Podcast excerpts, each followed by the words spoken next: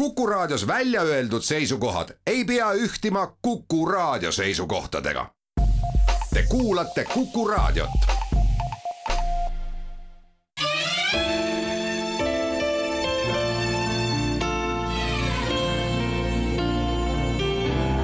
nädala raamat. Barbara Schmidt, Heinekeni lugu kirjastuselt Helios ilusat uut nädalat, head kuulajad. Ja tere tulemast õllemaailma. Või halastamatu konkurentsiga õllekaubanduse maailma. Või sootuks turunduse ja reklaami maailma või hoopis Euroopa lähiajalukku, kus kõrvuti ühes tuntud brändiga ja temaga seotuna rulluvad lugeja ees lahti poolteist sajandit ajalugu. või sootuks elulugude maailma, kus portreteeritavad on ikka rikkad, töökad, andekad ja edukad inimesed kõik nimetatud pädevad iseloomustama meie selle nädala raamatut, mis võtab kõneleda lahti maailma ühe tuntuma õllebrändi Heinekeni loo. tõesti eduka õllebrändi loo. juba alates tema esimestest aastatest, kui Gerard Adrian Heineken Amsterdamis otsustas üles osta ühe laokil pruulikoja ja tulla selle peale, et kvaliteetse laagerõlle pruulimiseks on hea mõte juurutada kõik uus ja huvitav, alustades põhjakääritusest ja kuni tänase päevani välja ja see tänane päev, võtame aluseks värskeimad andmed, näitab, et Heineken oli mullu maailmas müüdavuselt teine õlu, jäädes alla vaid Budweiserile. seda siis rahaliselt käibelt.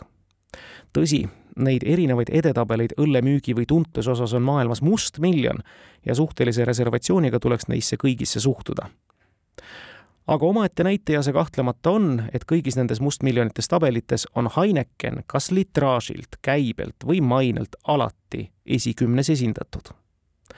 nii et meie nädalaraamat kõneleb igati edukast maailma õllebrändist. selle loo on kaante vahele kirjutanud Barbara Schmidt.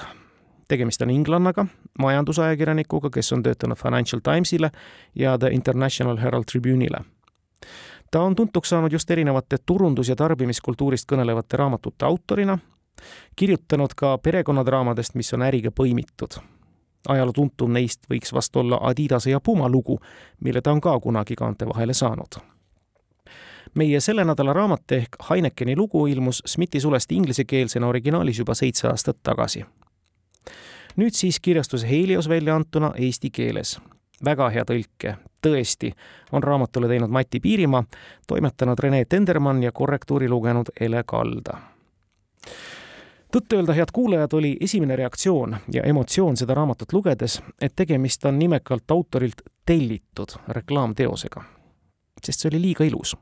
või on, mis sinna kahe ja poolesaja lehekülje sisse on mahtunud Pole perioodi ega kirjeldust, kus Heinekenil oleks läinud raamatu järgi halvasti no üks lugu küll välja arvata, see on siis kõmuline Alfred ehk Fredi Heinekeni röövimise lugu.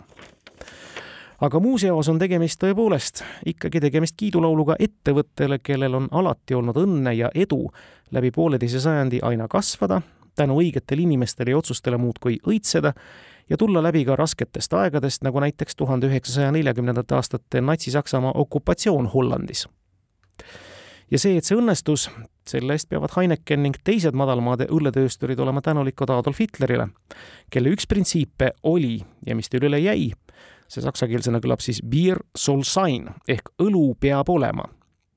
see käis tema sõdivate sõdurite kohta, kellelt ta ei söandanud motiveerivat rüübet sõjakäikudel ära kaotada. ja see tagas Heinekeni ja teiste pruulmeistrite töö jätkumisega okupatsiooniaastatel. ning veelgi enam, ka vastupanuvõitluses oma kõva panuse andmise. Nimelt teadsid ju pruulmeistrid, kuhu ja kui palju sõduritele õlut tarnida ning jagasid sellekohast teavet ka liitlasvägede luurajatele. paljud pruulikojad olid muide ka okupatsiooniaastate aegu varjumiskohtadeks paljudele vastupanuvõitlejatele see on siis nüüd üks tore kõrvalepõige ja lugu meie nädala raamatust, milliseid lugusid on tegelikult seal palju ja selles mõttes ongi meie raamat väga hästi kokku kirjutatud, et aegjoont ja aegruumi iseloomustavad mitmed toredad lookesed, mis iseloomustavad aega ja selles elavaid inimesi, kes ka siis toimetavad usinalt ning peaasjalikult on need ikka heinekenlased. see viimane on siis siinkõneleja määratlus. ja nende heinekenlaste ja nende inimloomuste toel ongi siis õllehiiglane saanud ajas areneda ja laieneda nii kaugele, kui ta tänaseks on seda suutnud tegemaks kõigepealt nüüd lugejale asja üldiselt klaariks.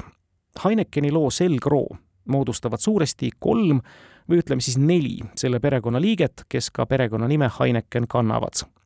seda aegrida alustab ettevõtlik mees Gerard Adrian Heineken ja nagu nimigi viitab, kaugete juurte poolest siis sakslane, aga muidu elupõline hollandlane, kes tegelikult pärines võrdlemisi jõukast juustutöösturite perekonnast ja ta võinuks ka seda traditsiooni jätkata või suisa pere suure varanduse arvelt rahulikult elu lõpuni elada, mitte midagi tehes, aga Toomas meeletut ambitsiooni endale ise nime teha.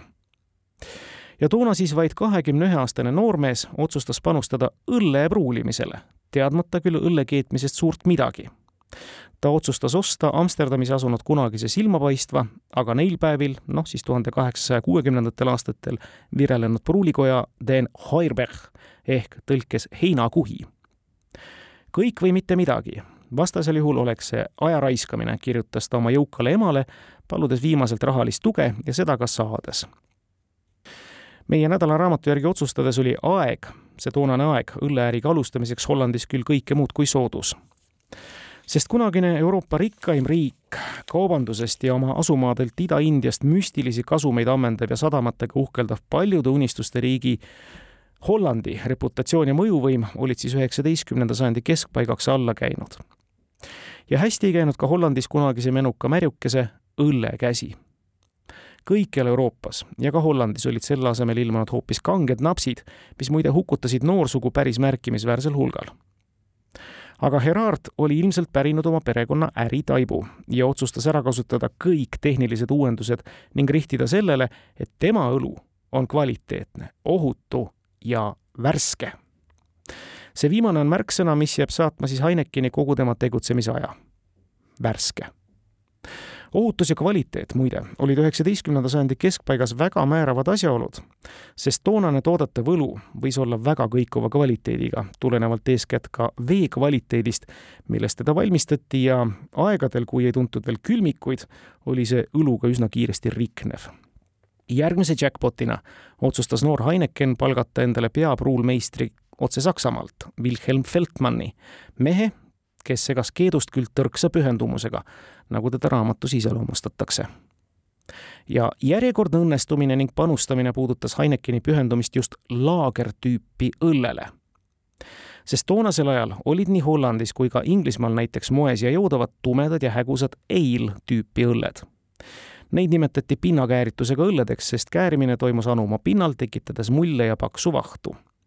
ja häda oli selles, et nõnda pääses keedusesse ka mitmesuguseid mikroorganisme, mis võisid õlle täielikult ja üsna kergelt seejuures ära rikkuda aga suurimas õlleriigis Saksamaal oli juba teadmine Bayeri munkadelt, kes kord avastasid, et madalamal temperatuuril kääritades vajub osa pärmi anuma põhja. aega kulub küll rohkem kui pinna kääritamisel, aga õlu on heledam ja säilib kauem ja pikemaajalise küpsemise tõttu sai see õlleliik inglise keeles laagri alla nimetuse, sest sõna laagern tähendab saksa keeles säilitamist. ja mõistnud siis, et põhjakääritamisega õlu on midagi enamat kui lühiajaline veidrus, saatis Gerard Heineken oma peapruulmeistri otsekohe kodumaale põhjakääritamist uurima. ning mõni kuu hiljem läks Heineken juba üle täielikult laagri alla valmistamisele. ja see tagas juba algusaastatel Heinekeni edu nagu autor märgib, kõigest kaksteist kuud pärast ülevõtmist kasvas Heinekeni aastamüük enam kui kahekordseks, viie tuhande vaadini. ilusamat algust poleks saanud soovidagi. väga olulist rolli mängis õlletööstuse ülesehitamisel ka Gerardi abikaasa, Šotimaalt pärit Mary Tyndall, kes vankumatult mehe püüdluste kõrval seisis. Nende perekonnaloo ka selle osa, mis õlle tegemisse nüüd otseselt ei puutu, on ka autor lahti lühidalt kirjutanud. Just selle osa, mis juba üheksateistkümnendal sajandil noh, nii-öelda kollast meediat või sosinaid tekitas. proua Heinekeni lähedased suhted peresõbra Julius Petersoniga näiteks, kes oli ka kahtlaselt proua ja härra Heinekeni ühise lapse ja pereäri pärija Henri Pierre'i nägu. muide, see pärija sündis perre viisteist aastat pärast Gerardi ja Mary Tindali abiellumist ja Julius Petersoniga abielluski Tindal ka pärast Gerardi ootamatut surma tuhande kaheksasaja üheksakümne kolmandal aastal ning kahekesi arendati ka siis aina laienevat õlletööstust edasi aga nüüd kolme kiire hüppega korraks edasi minnes, head kuulajad, kõige enam võtab meie nädalaraamat ikka kõneleda auahnest, kavalast ja väga osavast mehest, kes Heinekeni on tänastesse kõrgustesse kergitanud. Alfred Fredi Heinekenist, Gerardi pojapojast niisiis, kes oma pereäris otsustajate ringi jõudmiseks pidi päris kõvasti pingutama, esmalt nii-öelda jalutama läinud aktsiaid tagasi ostes ja end sõna otseses mõttes direktorite laua taha nihverdades temale ja tema toimetamistele alates läinud sajandi neljakümnendatest kuni kaheksakümnendate aastateni välja on meie nädalaraamatu autor kõige enam ridu pühendanud. head kuulajad, meie nädalaraamatu autor Barbara Schmidt valdab erialalt ikkagi ajakirjanikuna väga hästi neid olemuslugude žanri võtteid, mis köidavad lugejat. meie nädalaraamatus tõusevad eriti reljeefsena esile Heinekeniga seotud inimeste portreed Smith on need sõnadega maalinud meisterlikult. mõned vihjed portreteeritava välimusele, veidikene tema elukäiku ja põhjalikult iseloomuomadusi, mis teevad isiku lugejale üsna selgelt ettekujutatavaks ning lisaks sellele annavad ka ammendava selgituse, miks on Heinekenil nii hästi läinud läbi aegade Need on inimesed oma teadmiste, vaistude ja iseloomuomadustega, mis on aidanud õllehiiglasel areneda kui pärm kõikvõimalikel turgudel ausõna, lugejad võivad tõesti portreteeritavatest lummusesse sattuda ja ainuüksi nendega kogu õlletehase edu selgitada. aga nüüd vähe kainemalt mõeldes, ja see metafoor kõlab nüüd küll antud raamatut tutvustades kahemõtteliselt, eks, palju oli tegelikult Heinekenil õnne ja edu ajastute ja erinevate kokkusattumustega kümnesse pandi just tulevikku silmas pidades sellega, et keskenduti juba algusest peale kergemale ja klaarimale laagerõllele ning turunduses ja tegevuses rihiti oma toodangu värskusele. see hakkas iseäranis hästi töötama Teise maailmasõja järel, kui üha rohkematesse kodudesse ilmusid külmkapid ja televiisorid, mis täitsid Heinekeni silmis kahte eesmärki televisioon kui pöörane tarbijate mõjutaja reklaami mõttes ja televisioon kui suurepärane ajaviitevahend, mille kõrvale on väga mõnus just laagertüüpi õlut libistada aga külmkappide järk-järguline ilmumine ja plahvatuslik kasv kodudes oli ühtpidi nii Heinekenile kui ka teistele õlletöösturitele õnn ja õnnetus. sest drastiliselt vähenesid seeläbi õllesõprade baaride ja pubide külastused ning kogu müügi- ja tootmiskontseptsioon tuli ümber rajada vaadiõllelt pudeliõllele. ning head ja personaalsed suhted pubipidajatega tuli asendada heade suhetega jaemüüjatega aga tulles nüüd tagasi Smithi stiili juurde, võtkem üks iseloomulik lõik meie nädala raamatust. tsitaat. hommikust õhtuni liikus turske hollandlane Leo van Munching mööda Manhattani tänavaid, karpides kaasas maailma parim laagerõlu, üritades konkureerivaid õllesorte fanaatiliselt väsimatu energiaga üle trumbata oma teekonnal mõtles ta välja kõige veidramaid müügivõtteid, mis otsekui Broadway burleski etendustest olid laenatud Van Munchingi kõige tuntum võte oli siseneda hoogsalt restorani, marssida baari ja nõuda valjuhäälselt Heinekeni, teades seejuures väga hästi, et seda seal ei müüda.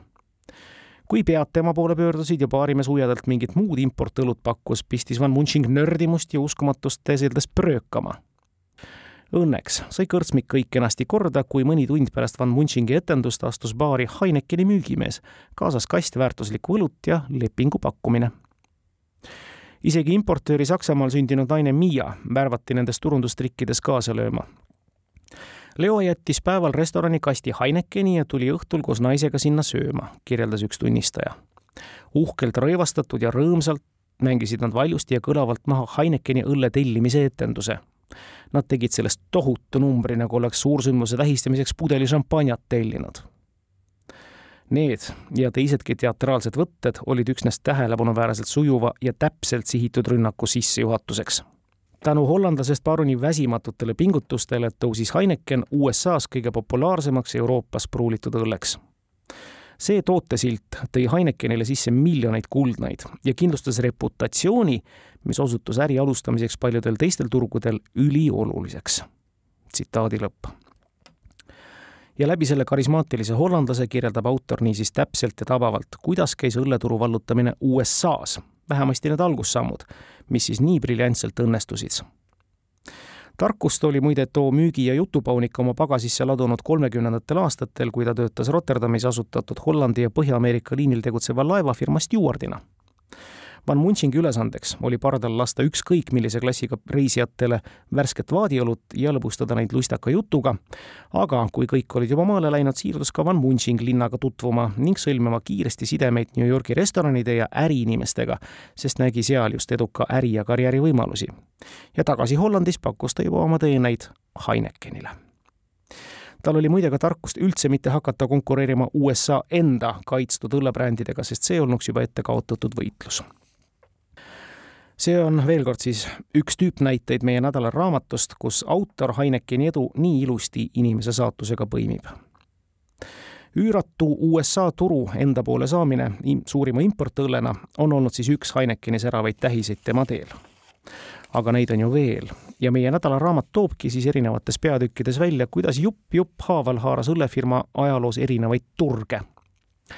Päris algusaastatel muide juba partneri ja olulise kaasalööjana kaugetel turgudel, tänu ajaloolisele seotusele näiteks Hollandi Ida-Indias aga ka Aafrikas, kus juba neljakümnendate aastate lõpus vastavalt välja töötatud strateegiale löödi käed turgu tundva ja veel koloniaalmaid haldava Inglise-Hollandi ärigiganti Unileveriga Heineken ja Unilever asutasid üheskoos Nigeeria pruulikodade ettevõtte ja alustasid seal siis esmalt kohaliku menulaagerõlle Star pruulimist.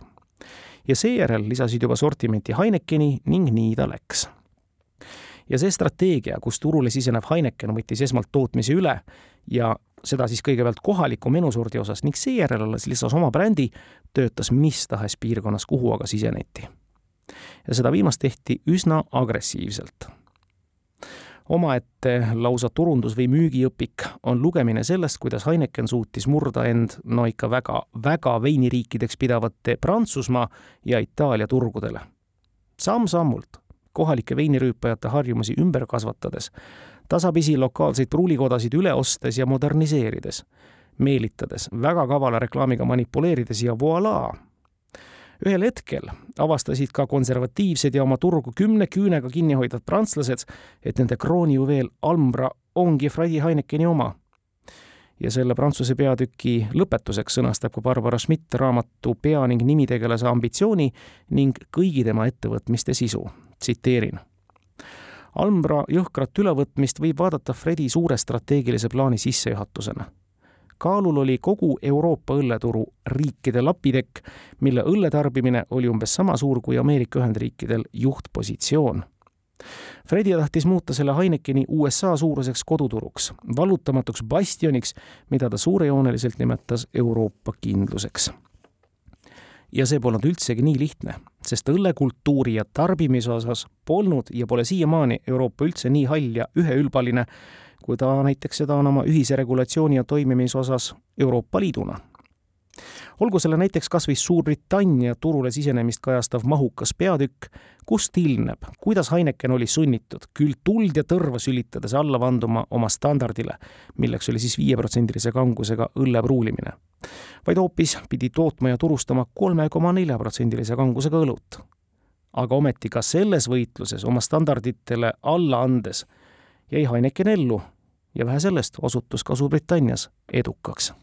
head kuulajad, meie nädalaraamatu massiivseim kirjelduste ja tegevuste osa puudutab Heinekeni ajalugu läbi üüratu reklaami- ja turundustegevuse ning vastikute, lausa halastamatute konkurentsivõtete. esimesest alustades ja kardetavasti sinna ka pidama jäädes, sest materjal on nõnda suur, oma niši leidis Heineken niisiis põhja kääritamises tekkinud laagerõlle näol kohe. Ja hakkas talle ka koheselt ja jäävalt külge kleepima omadusi värske, kindel, mõnel puhul ka odav ja päris kindlasti muutumatu kvaliteediga ja kindlasti rõhutati teatud ajaperioodidel ning vastavalt turule ka õlle omadusi kas parima importõllena või kui vaja, siis ka rahvaõllena, võrreldes näiteks igipõlise rivaali Stella Artois'ga, mis oligi ilmselgelt kallim õlu. Usun, et Barbara Schmidti kirjutatud lood sellest, kuidas sõnaga värske mängides on Heineken sisuliselt sajandi jooksul oma brändi hoidnud, on ilmselt õpikumaterjaliks sadadele reklaamiagentuuridele üle kogu maailma. võtkem siis tutvuda särav vaim, värskenduse reklaam sündis ajal, kui Heineken üritas vallutada väga rasket Suurbritannia turgu. see on üks omaette pikk lugu, mis ulatub tuhande üheksasaja kuuekümnendatesse aastatesse. Saamaks üleüldse jalga selle kõrge õllekultuuriga turu ukse vahele, soovitati Heinekenil käed lüüa Whitbreadiga, väga mõjuka ja sajanditepikkuse ettevõttega Briti õlleturul ja see, kuidas need kaks ettevõtet kord sõprade, kord mitte nii väga sõpradena Suurbritannias tegutsesid ja kuidas Heineken pidi niisiis mööndusi tegema oma kroonijuveeli kanguses, on omaette pikk ja väärt, kohati ka segaseks minev lugemine, no koos kõigi oma litsentsilepingute virvarriga. aga nüüd reklaami juurde tagasi tulles, see lugu on klaar ja arusaadav. Heineken vajas siis turule sisenemiseks piltlikult öeldes invaliidina ehk siis standarditest madalama alkoholisisaldusega õllega jõudsat reklaami ja see oli äärmiselt keeruline ülesanne. sest Inglismaal kääritatud Heinekeni maitse ei olnud reklaamimiseks piisavalt eristuv. samuti ei tundunud brändi Hollandi identiteet olevat kuigi oluline. pealegi oleks vähimgi sellele viitamine andnud tagasilöögi, sest brittidele müüdav õlu oli tegelikult ju pruulitud Lutonis, Inglismaal palgatud reklaamiagentuur murdis kõvasti päid, arutades, missuguseid iseloomulikke jooni oleks kõige õigem Heinekeni brändile üldse külge pookida ja nad murdsid päid piltlikult öeldes kuni viimase hetkeni. ja helgeks peaks osutus reklaamiagentuuris üks andekamaid Briti copywritereid Terry Lovelock. ta seisis juba silmitsi hundipassiga, sest oli hulga tähtaegu mööda lasknud end ideedega vaevates. tsiteerin. ühel ööl olevat ta voodist tõusnud ja kirjutanud kaks rida. üks neist kõlas. Heineken värskendab neidki kohti, kuhu teised õlled ei küündi ja teine rida teatas, nüüd värskendab Heineken kõiki kohti. reklaami kirjutaja pidi selle idee rüütama mitmesugustesse stsenaariumidesse, mis ilmestavad seisundit enne ja pärast Heinekeniga värskendust. hiljem rääkis Lovelock, et too teine rida olevat alternatiiv juhuks, kui reklaami valvekoer peaks sõna kohad vääriti mõistma tema vahetul ülemusel, Whitbreadi kliendijuhil Frank Lauil sedalaadi kahtlust ei tekkinud tal tuli veenda vaid omakorda oma ülemust ja head sõpra Whitbreadi ärijuhti Anthony Simmons Goodingut. ja juhtus nõnda, et need kaks olid otsustanud kord sõita oma naistega Leningradi tutvuma Ermitaažiga lennukis kusagil Ühendkuningriigi ja tollase Nõukogude Liidu vahelises õhuruumis hakkas Simmons Gooding Heinekeni reklaami pärast jorisema see Heinekeni kampaania tõesti häirib mind. ma arvan, et me oleme juba küllalt kaua aega raisanud. kas sul tõesti pole mitte midagi, Frank? Küsis Whitbreadi ärijuht, kes oli näinud juba mitme tähtaja möödumist. on ikka, kostis kliendijuht. ja millal sa kavatsed mulle seda tutvustada? päris Simmons Gooding. vastamise asemel hakkas lau midagi kribama. Whitbreadi ärijuht jälgis seda pisut jahmunult, kuid ta usaldas sõpra täielikult. noh, kui see sinu arvates töötab, siis võiksime kätte võtta ja selle ära teha, ütles ta. Mingile juhuslikule paberitükile ja see võis olla oksekott, kribatud tekstirea ja visandiga algaski ikooniliseks kujunenud kampaania, mis kestis ligemale kakskümmend aastat. tsitaadi lõpp koheselt, kui mehed Londonisse naasid, lasti ideest lähtuvad reklaamid ka teletootmisesse ühes reklaamis pidid politseinikud teeseldud eksperimendis kontrollima, kas õlu värskendab tõesti neid kehaosi, kuhu teised õlled ei jõua. Ja tõepoolest, mõne sekundi pärast hakkasidki väsinud politseinike varbad reipalt liikuma. teise reklaami tegelaskuju oli klaveri häälestaja, kes ei tulnud väsinud kõrvade tõttu oma tööga toime.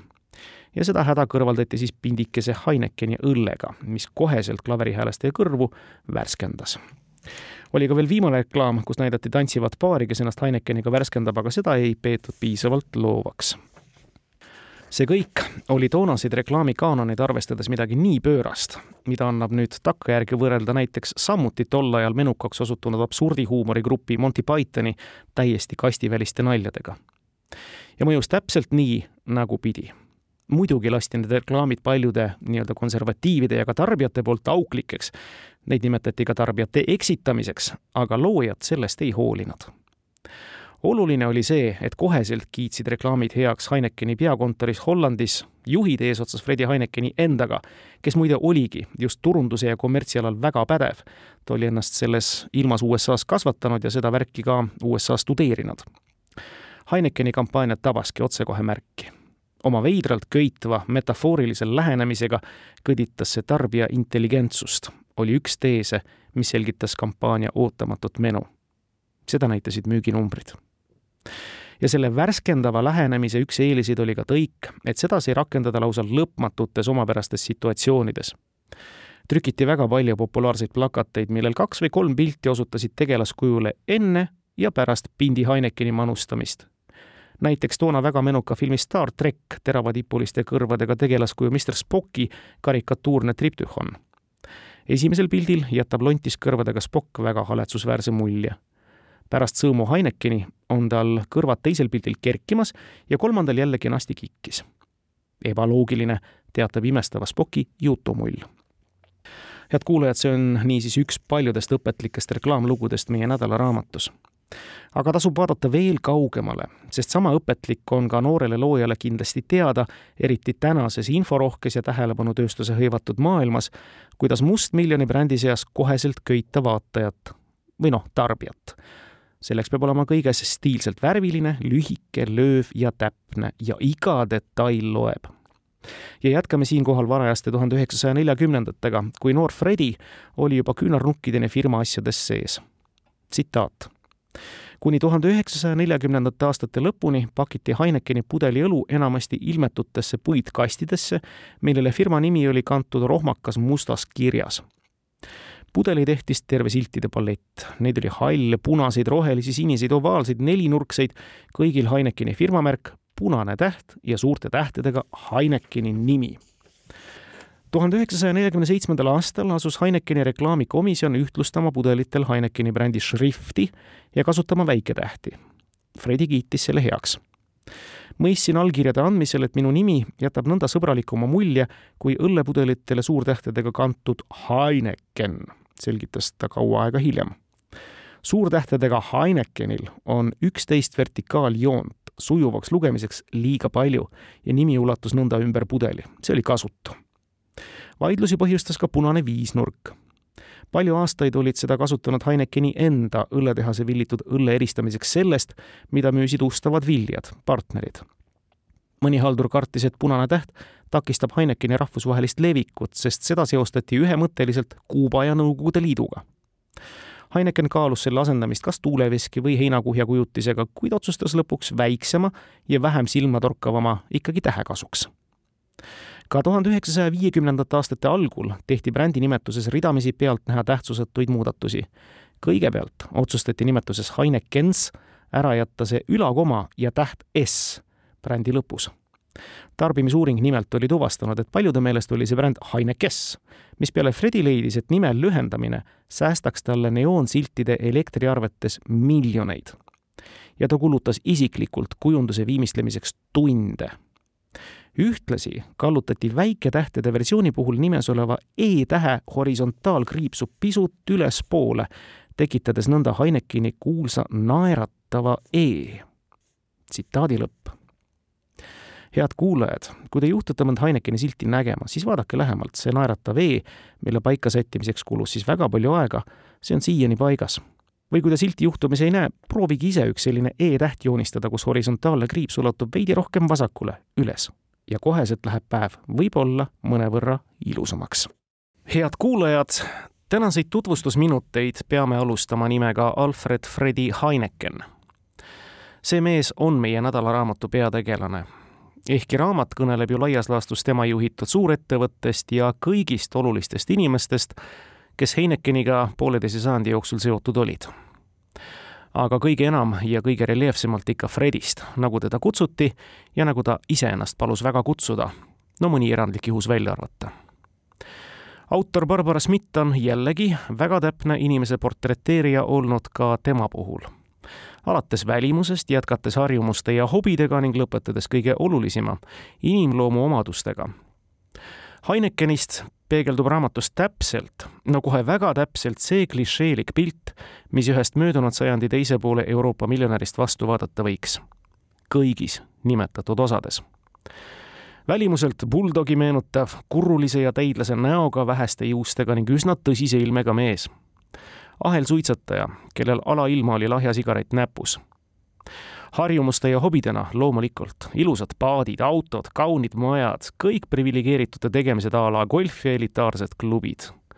loomulikult isiklikult väga hea läbisaamine riigi ja kogu Euroopa koorekihti kuuluvate isikutega. kuningliku perekonnaga koos olles lubas ta endale ka avalikult nendega familiaarselt nalja visata. käis tihedalt läbi ka Monaco vürstiperega elamisi ja olemisi oli Fredil üle kogu Euroopa. Šveitsis vilistas ta muinsusväärtustele, kui lasi maha lammutada ühe vanema villa ning paljude kohalike vastuseisust hoolimata ka uue ehitada. midagi oli tal ka Prantsusmaa lõunarannikul, Vahemere kaldel ja muidugi uhke elamine ka Hollandis iseloomult oli Fredi ikkagi tundub arrogantne ja see, mis puudutas tema töökultuuri, on ilmekalt kirjeldatud järgmiste sõnadega. tsiteerin. Firma omanikuna sai Heineken teha juhtimisotsuseid järsemalt kui teised tegevjuhid, sest Hollandis toimis enamasti kollegiaalne juhtimisviis juhina hindas ta kuulekust kui väga kiiduväärset omadust, ütles üks endine kõrges ametis olnud töötaja. Fredi ise väljendas seda napimalt ja sisutihedamalt mina ei talu vasturääkimist, tunnistas ta. suhtlemisel paljude teiste ärijuhtidega ilmutas ta vaevu varjatud põlgust. Ta küll julgustas nõukogu liikmeid endale aega jätma, et häirimatult aru pidada, aga kui alluvad reageerisid talle sõnadega jah, aga mina arvasin, et siis ta katkestas neid otsekohe. jätke see minu mureks tüütute vasturääkimiste vältimiseks ümbritses Heineken end jüngritega ja niisuguseid jüngreid valides lähtus Fredi mõnikord üsna juhuslikest kriteeriumidest, näiteks astroloogilistest märkidest. Fredi mainis üsna tihti, et tema olevat skorpion. Ilmselt oli ta veendunud, et see mõjutas tema isiksust. ta identifitseeris ennast selle olendi instinkti ja mürgise omapäraga. Fredi arvas, et juhtideks sobivad iseäranis hästi lõvid. igatahes kandis ta hoolt, et tema nõukogu liikmete tähemärgid ei oleks omavahel vastandlikud Fredi jaoks oli ka muide väga oluline, et püüdlikud ärijuhid naeraksid tema naljade peale, kuid samal ajal pidid nad olema heas vormis ja stiilsed, nii veetlevad kui vähegi võimalik. Ta kinnitas avalikult, et nõrgad või inetud mehed on väiksema veenmisjõuga. ja oluline oli ka kasv. Heinekeni meelest oli pikkadel meestel elus paljuski kergem. kui mina oleksin olnud pikemat kasvu, siis ilmselt ei oleks ma nii naljakat muljet jätnud, kõlas üks tema lemmikmõtteteradest ja naised ei kuulunud tema juhtimiskultuuris kohe üldse pildile. noh, oleks nagu piisavalt kõik öeldud. aga siiski mitte. Tüüpilise miljonärina ja kiiksuga miljonärina võis Fredi heldelt kulutada oma hobidele ja õlleimpeeriumi kõrvasele üüratuid summasid. näiteks oli ta talle kuuluva Amsterdami hotelli ukselingidki isiklikult välja valinud aga samas mõnel õhtusöögil võis ta pröögata ettekandjaga klaasi veini hinna üle ja muide väga meeldis Fredile hasartselt tingida. aga olles sellisel positsioonil, nagu ta oli, ta võis endale seda lubada. Tänu erakordselt heale vaistule ja tehtud otsustele läks Heinekenil noil aastatel, kui Fredi firmat tüüris, tõesti hästi. Kuldnad kukkusid kaukasse üle kogu ilma ja andsid põhjust ka enesekindlalt ja halastamatult üle võtta konkurente. Ja neid, keda ei õnnestunud üle võtta, nendesse üleolevalt suhtuda või niisama ilkuda. näiteks prantslaste Kronenbourgi, mille kohta Fredi kaastöölised armastasid kihistades öelda, et see ongi see õlu, see põhjus, miks prantslased veini joovad üks märkimisväärsemaid ülevõtmisi, mis niisiis oli Fredi tahte triumfi silmapaistvaim väljund, on leidnud meie nädalaraamatus ka eraldi äramärkimist eraldi peatükina, sest see lihtsalt oli nii kõva sõna. ja tsiteerime kohe algusest esmaspäeval, kahekümne kuuendal augustil tuhat üheksasada kuuskümmend kaheksa kutsuti paarkümmend Amsteli juhtkonna liiget õlletehase Amsterdami peakorteri nõukogu koosolekuruumi, mille liivaga matistatud akendest avanes vaade Mauritskadele ja laest eendus kipsjumalanna. Amsteli juhatuse neljal liikmel oli olulisi uudiseid. laua taga istet võttes ei olnud firma töötajad üldse valmis löögiks, mis neid nüüd tabas hääl ikka veel vihast värisemas, meenutas Amsteli endine juht mitukümmend aastat hiljemgi. Need neli härrasmeest teatasid meile sõbralikult, et olid müünud Amsteli õlletehase Heinekenile. Meil on väga hea meel teile teada anda, et oleme sõlminud suurepärase tehingu, ütlesid nad. äkki oli meie kõigi põhivaenlasest saanud meie omanik. see oli nii tülgastav, et üks ruumis viibinutest hakkas tõepoolest oksendama. tsitaadi lõpp no juba see emotsionaalne kirjeldus annab aimu sellest, kui tõsiselt ning eluliselt käivad asjad nendel turgudel. käisid siis ja käivad ka muide praegu. Amsteli allaneelamine tegi lõpu ligemale sajandi kestnud ebamäärastele suhetele nende kahe suure vahel. ühest küljest olid need kaks õlletehast järelejätmatult võistelnud Hollandi turul ja ka välismaal. samas olid nad teinud ka palju koostööd, et konkurents oleks puhas ja mõlemale osapoolele vastuvõetav kui Fredi Heinekenilt kord küsiti, kuidas selgitada Amsteri lõplikku kaotust, siis kehitas ta õlgu. me olime kained, torkas ta, vihjates Amsteli direktorite muretule kulutamisele ja nende väidetavale joomisele töö ajal teised olid oma vastustes diplomaatilisemad, kuid oli selge, et Amsteli juhtkond oli teinud mitme järjestikuse lausa naeruväärse veaga ülevõtmise Heinekenile kergemaks. ja neid vigu tuuakse tolles peatükis väga palju välja aga laias laastus taandus ju kõik sellele, et Fredi Heineken oskas laagerõllega just sõjajärgsetel esimestel aastatel olla õiges kohas, hulgimüüjate juures, kodudes, külmkappides ja reklaamiga televisioonis. Amstel kes toetus siiski veel kõigele vanamoodsale, reageeris liiga aeglaselt. ka laagerõllele läks hülje liiga hilja ja alahindas tegelikult oma vastast ning suurt rivaali. kogu lugu. Üks väga suur viga, mille Heineken võinuks teha ja muide, selle tegemist ta korduvalt ka kaalus, teadmata küll, et see on viga, oli oma pruulikoja avamine USA-s menukatel tuhande üheksasaja seitsmekümnendatel aastatel. seda siis Heineken kaalus, aga jättis lõpuks tegemata kui mäletate, oli lõbus endine laevastiuard Leo van Munching see mees, kes aitas Heinekenil USA turul kanda kinnitada ja seal kasvada. ja tema oli ka see, kes meie mehena Ameerikas Heinekenile pidevalt oma emamaad ja peakontorit hoiatas selle sammu eest peakontoris võeti man Munchingi hoiatusi kui kartusi, et näe, müügimehe leib võetakse importöörina ära, aga tegelikult oli Leol õigus. korduvalt rõhutas ta, et kui Heineken hakkab ennast pruulima USA pinnal, kaoks hoobilt see võlu sellelt pudelilt ja siis ta võttis demonstratiivselt rohelise Heinekeni pudeli välja ja näitas sellel punaselt maalitud sõna import. Ja see muutuks lihtsalt üheks paljudest USA õllemarkideks.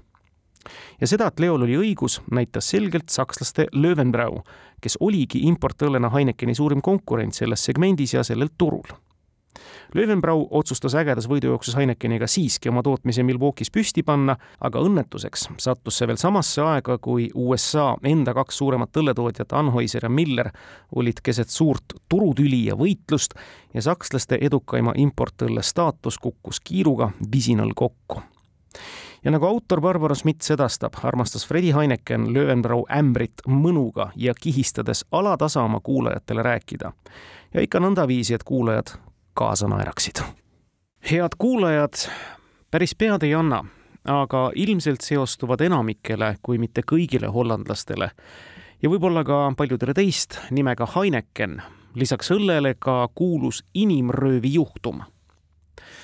See kõmuline lugu novembrist detsembrist tuhat üheksasada kaheksakümmend kolm, kui õlletööstur koos oma autojuhiga keset tänavat pärast ööpäeva lõppu relvastatud meeste poolt rööviti ja minema viidi muidugi on see kurikuulus lugu ka meie nädalaraamatus eraldi peatükina esindatud. aga me ei hakka sellel siin väga pikalt nüüd peatuma. sest see peaaegu neljakümne aasta tagune lugu on ajas nii palju kajastamist leidnud, teda on nii ja naamoodi dokumenteeritud ja kõige krooniks seitse aastat tagasi alles vändati sellest ka menukas mängufilm, kus peaosa ehk siis Freddie Heinekeni kehastas Anthony Hopkins ise. lühidalt niisiis viis hollandlasest kurjategijat, kelledest vähemalt üks oli ka Heinekeni ettevõttega seotud, planeerisid Hollandi rikkaima mehe röövi pikalt ja puht saamahimu eesmärgil saada kätte väga suur hulk lunaraha. see rööv õnnestus. pantvange hoiti kolm nädalat ühes laohoones, kuniks nad Hollandi politsei poolt ühel hetkel vabastati, elusate ja enam-vähem tervetena sellel lool on hulk põnevaid nüansse ja arenguid, nagu ikka kõigepealt see, et Heinekeni perekond ja Hollandi politsei pidasid kurjategijatega pidevaid läbirääkimisi, ehkki avalikkuse ees seda eitati. asjale jõudis jälile agar Hollandi krimireporter Peter de Vries, kes sunniti eksklusiivintervjuu lubadusega siiski vaikima huvitavaks ja omamoodi loogilisekski võib lugeda ka asjaolu, et röövitud Fredi Heineken tundis vaata et rohkemgi kui oma isiklikust ja perekonna heaolust muret selle pärast, mida viib röövimise fakt teha tema õlleimpeeriumi mainega ja kui palju aktsia hind võib selle võrra siis alla tulla. mistõttu ta näiteks ükskord oli väga ärritunud, kui, ja nüüd ma tsiteerin, kui röövijad niisiis tulid teda pildistama, käes tolle päeva The Telegraphi number isegi vangistuses suhtekorraldusele mõtlev magnaat protestis ta pelgas, et teda räpase ja raseerimata kujutavad ülesvõtted avaldatakse ajalehtedes ja see teeb õllefirmale palju kahju. jah, hügieeniga oli vangistuses kehvasti, juukseid oli ta isegi sunnitud plastkahvliga sugema. Need on siis mõned värvikad nüansid tollest vangistuse loost. ja kogu see lugu lahenes siis tõepoolest selle suure hulga lunaraha maksmisega kurjategijatele. see summa oli Hollandi ajaloos suurim inimröövjatele makstud pant, kolmkümmend viis miljonit toonast kuldnat, selles vääringus siis. arvestades inflatsiooni ja juba tänaseid vääringuid, oleks see noh, nii umbes viiskümmend miljonit eurot. pikka pidu siiski röövlitele ei jagunud, nad saadi kõik varem või hiljem kätte ja nad said ka kõik väga pikad vanglakaristused ning ka suurem osa makstud rahast jõudis tagasi Heinekeni perre. see oleks siis nüüd resümee tollest loost, mis on kindlasti täispikkuses lugemist väärt ja kel võimalus, vaadake ka film ära aga nüüd, kus me oleme oma nädalaraamatu tutvustusega viimases eos, oleks paslik heita pilk Fredi Heinekeni viimastele aastatele Heinekeni tegevjuhtimises, seejärel juba siis natukene ka nõukogus ja ka elus laiemalt Läinud sajandi kaheksakümnendad ja üheksakümnendad aastad olid maailma õlletööstuses turbulentsed. Heinekenil tuli väga raskelt kätte tulnud positsioone Suurbritannias ja USA turul hoida Ühendkuningriigis tuli silmitsi seista tõdemusega ühel hetkel, et senine värske loosung ja bränd oma lahja Heinekeni juures sel turul kaugele enam ei aita. tõsi, käsikäes Whitbreadiga oli ettevõttel turuseis, mille üle olnuks justkui patt nuriseda aga kuna nii Heineken ja teisedki tollel turul olijad olid väga kavalalt hiilinud pubidesse, endid väga paljudega isegi mitte sidunud, vaid tsementeerinud, jättes uutele tulijatele ja konkurentsile üldse väga vähe ruumi, tekkis üks hetk avalik nurin, mis tõi tolles riigis kaasa parlamendi sekkumise ja tuhande üheksasaja kaheksakümne üheksandal aastal ilmusidki bear orders ehk õllekäsud, mis siis osaliselt lammutas Briti õlleturu senise ostukohustuse süsteemi ja nendel õllekäskudel oli enamiku suurtootjate jaoks kaugeleulatuvad tagajärjed.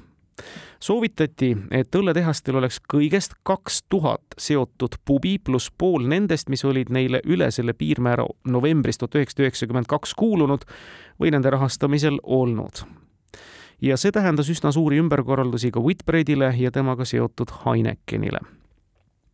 Ameerika Ühendriikides oli ka konkurents halastamatu Leo van Munchingu sisse tallatud rajal ja turul läks keeruliseks, sest et ei tea kuidas, aga väga ootamatult ja väga jõuliselt ilmus USA importõllede turule mehhiklaste koroona päikepudelis.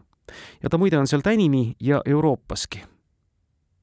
tolle USA peatüki juures on autor lahti kirjutanud ka väga põnevalt Ameerika Ühendriikide omamaiste õlle raskekahurvägede, see on siis Anheuser-Bushi ja Milleri gigantse heitluse Ameerika Ühendriikides otsustas Heineken lõpuks Leo van Munchingu ja hiljem ka siis tema poja Leo juuniori valdusettevõttega koostöö lõpetada, õigemini selle üle võtta ja Heinekeni peakorterist tulnud seltskond otsustas ise hakata USA turuga tegelema. tuhande üheksasaja üheksakümnendate aastate geopoliitilised muudatused keerasid ka kogu maailma õlletööstuses tervikuna heitlused pea peale sest ühtäkki olid avanemas ka turud seni suletud ja kommunistliku režiimi poolt kontrollitud Ida-Euroopas. no ja mis me räägime, eriti kuldaväärt oli Tšehhi turg ja sealsed õlletehased eriti olid tšehhid südamel USA õllehiiglasel Anheuser-Buschil, kes tootis ja toodab siiani maailma enim müüdud õlut Budweiser. ja miks? Sest kuulsas omaaegses Böömimaa pruulikojas Tšeska Budojevitšes valmis see õlu, mis originaalis tootis Budweiser Budvat ja kinnitas, et just tema omab ainuõigust seda Euroopas toota ja levitada. No selle Tšeske Budojevitši ja Anheuser-Bushi juured, rivaliteedi juured ulatuvad tagasi juba üheksateistkümnenda sajandi keskpaika, kui just Budvari juurest tulid need pruulmeistrid tõotatud maale selle virrega, millest hiljem sai maailma müüduim õlu ja see, kuidas vaesed, väga vaesed, aga väga uhked tšehhid ameeriklasi Tšeske Budojevitšist tõrjusid, on ka väga vahva ja värvikas lugemine. nagu ka see, kuidas Euroopa õllehiiglased eesotsas Heinekeniga avastasid, milline üüratu potentsiaal vaatab vastu samuti maailmale avanevast Hiinast. aga milliste seiklustega sinna üldse pääseda ja mis vaade sealt Hiina pruulikodadest vastu vaatas ja vaat selle humoorika ei saa salata, lugemise jätame nüüd küll teie hoolde, hea kuulaja aga vaatame korra siis sinna aega, kui aina põdurama tervisega Fredi, no meenutame, ta oli ahelsuitsetaja, otsustas Heinekeni otsesest juhtimisest taanduda. aastal tuhat üheksasada kaheksakümmend üheksa tegi ta seda siis tegevjuhtimisest, jäädes nõukogusse edasi ning hoides omanimelisel brändil ja selle kuulsaimal esindajal ikka silma peal tõmblused ja kismad Euroopa õlleturul olid täies hoos ja tundub, et Fredil oli siiski veel mingi okas või ambitsioon hinges veel millegagi tegeleda, veelgi saada sära ja aupaistet ning tunnustust peale. muide, Fredi Heinekenil ei olnud kõrgkooli diplomit ja see fakt häiris teda väga. ja eks tal oli neid kõrvalisi hobisid ja ärisid ju ka, aga kroonimata kuningana, nagu teda juba kutsuti, tekkis tal ühel hetkel ambitsioon hakata ühiskonnas asju muutma ja need plaanid olid juba sellised, noh, vähe veidramad, nagu lugeda saab. näiteks juba tuhande üheksasaja seitsmekümnendatel oli Heineken enda koguni linnaarhitektiks edutanud. ta soovitas Amsterdami ühissõidukite võrgu Alma ringliiniga ümber kujundada, et vähendada kesklinna, noh, liikluskoormust ja säästes seejuures ajaloolisi paiku see plaan jäi linnavalitsuse arhiivi, ehkki Fredi üritas hiljem uuesti. kaheksakümnendate aastate lõpul tuli ta lagedale uue kavaga, mille kohaselt tuli Amsterdami Museumplein ümber kujundada, ehitada Stedelijk muuseumile uus hoone, rajada selle ette hiiglaslik purskkaev ning lisada mitu rida väärikaid telliskivivillasid tuhande üheksasaja üheksakümnendate aastate alguses oli rahutu õllemagnaat algutanud järgmise arutu ümberkujundamise plaani.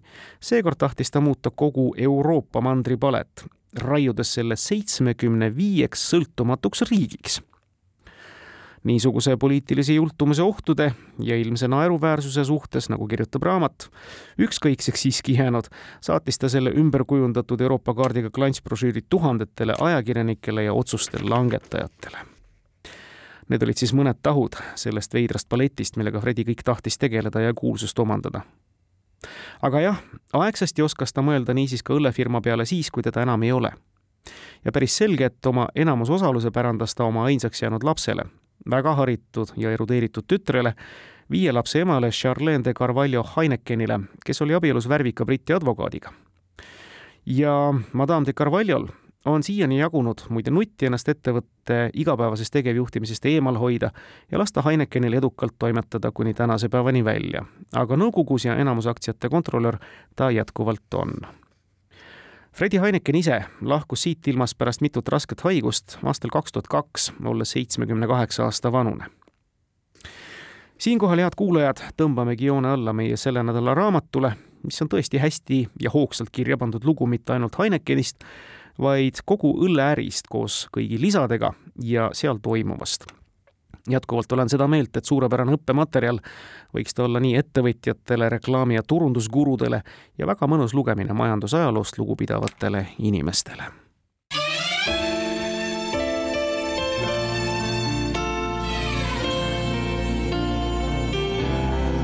nädala raamat.